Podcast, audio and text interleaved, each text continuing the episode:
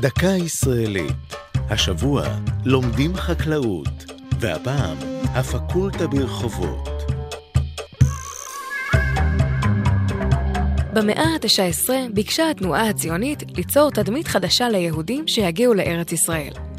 לא עוד יהודי גולה, העוסק רק בלימוד וקריאה. מעתה יהודי חדש, חסון, בריא ועובד אדמה.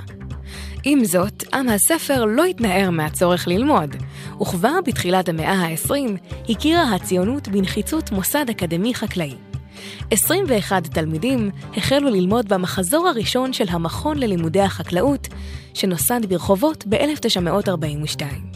כעבור כעשור הפך המכון לשלוחה של האוניברסיטה העברית בירושלים. כיום הפקולטה לחקלאות, מזון וסביבה היא המוסד היחיד בארץ להשכלה גבוהה במדעי החקלאות. יותר מאלפיים תלמידים לומדים בה, לתארים באגרוטק, טכנולוגיה חקלאית, במדעי הסביבה ובפודטק, מדעי התזונה. ייחוד נוסף של הפקולטה, כפי שהיא מכונה בקרב בוגריה, הוא היותה האכסניה לבית הספר היחיד בארץ ללימודי רפואה וטרינרית. חוקרים ותלמידים לתארים גבוהים עורכים בפקולטה מחקרים מובילים בתחומם, ומסייעים דרך מרכז חדשנות ויזמות להתפתחות החקלאות הישראלית ולתמיכה בייצור מזון בעולם.